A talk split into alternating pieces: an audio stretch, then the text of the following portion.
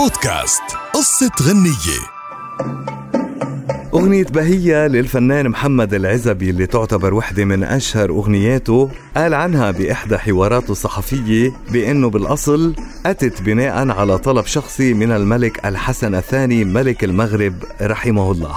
وقال وقت اللي كنا أنا وعبد الحليم حافظ ووديع الصافي وبليغ حمدي بزيارة للمغرب لإحياء حفل عيد جلوس الملك على العرش وفوجئنا جميعا بسؤال من الملك لبليغ حمدي لماذا لا تلحن أغنية خاصة تذاع مخصوص في إحدى حفلات عيد جلوسي على العرش؟ وهون تدخل عبد الحليم وقال للملك في حفلتي الجاية حيغني لك العزبي من ألحان بليغ. وسألوا الملك وعد يا حليم؟ فأجابوا حليم وعد يا جلالة الملك. وأضاف العزبي عندما عدنا إلى القاهرة طلب عبد الحليم حافظ من الشاعر الشاب محمد حمزة إنه يعكف على كتابة كلمات مناسبة حتى أغنيها بالحفل المقبل اللي رح يكون بالمغرب بحضور جلالة الملك. وبالفعل شرع محمد حمزة بكتابته كلمات أغنية عيون بهية.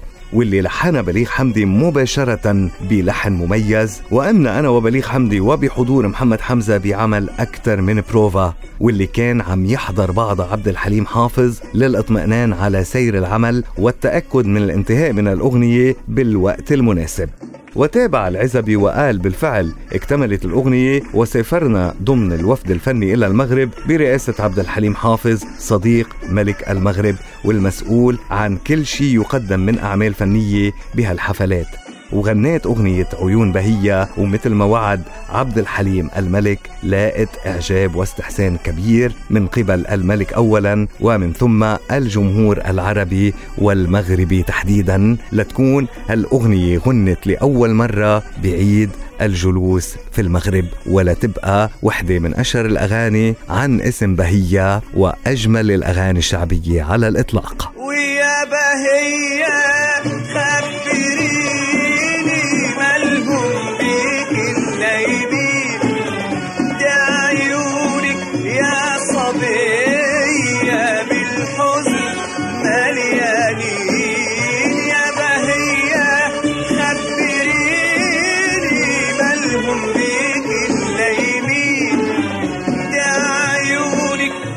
صبية بالحزن مليانين كل مجاريح الهوى بيقولوا هي بهية وكل عشاق الهوى ظالمين بهية بهية. بودكاست قصة غنية.